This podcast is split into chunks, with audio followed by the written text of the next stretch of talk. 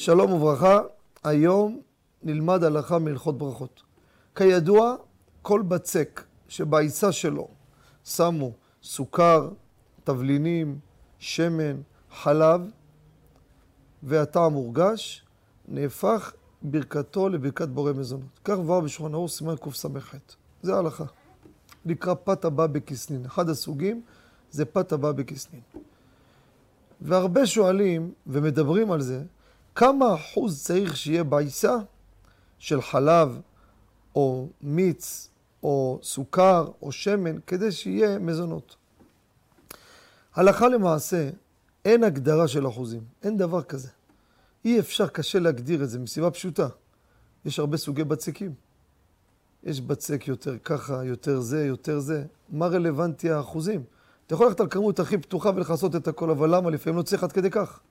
המודד הוא האם הטעם מורגש או לא מורגש. אני אקח עכשיו את הבצק הזה, אפיתי אותו. ככה תכף אני אשים בפה, ירגיש מתיקות או לא ירגיש מתיקות.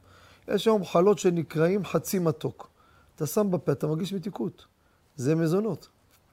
ואי אפשר לספרדים לעשות עליהם המוציא בשבת. אי אפשר לעשות אותם לחם משנה. כי עם ברכתם מזונות. למה? הטעם מורגש. הקובע הוא מורגש או לא מורגש. מי? האדם עצמו. כשהפה שלו נמצא במצב נורמלי. הוא לא עכשיו יבוא, ישים, ירגיש, אחרי שהוא אכל 300 גרם פלפל חריף תימני סודני.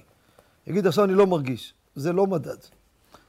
או יש לו בעיה עכשיו, הוא קורונה, שפעת, זה לא מדד.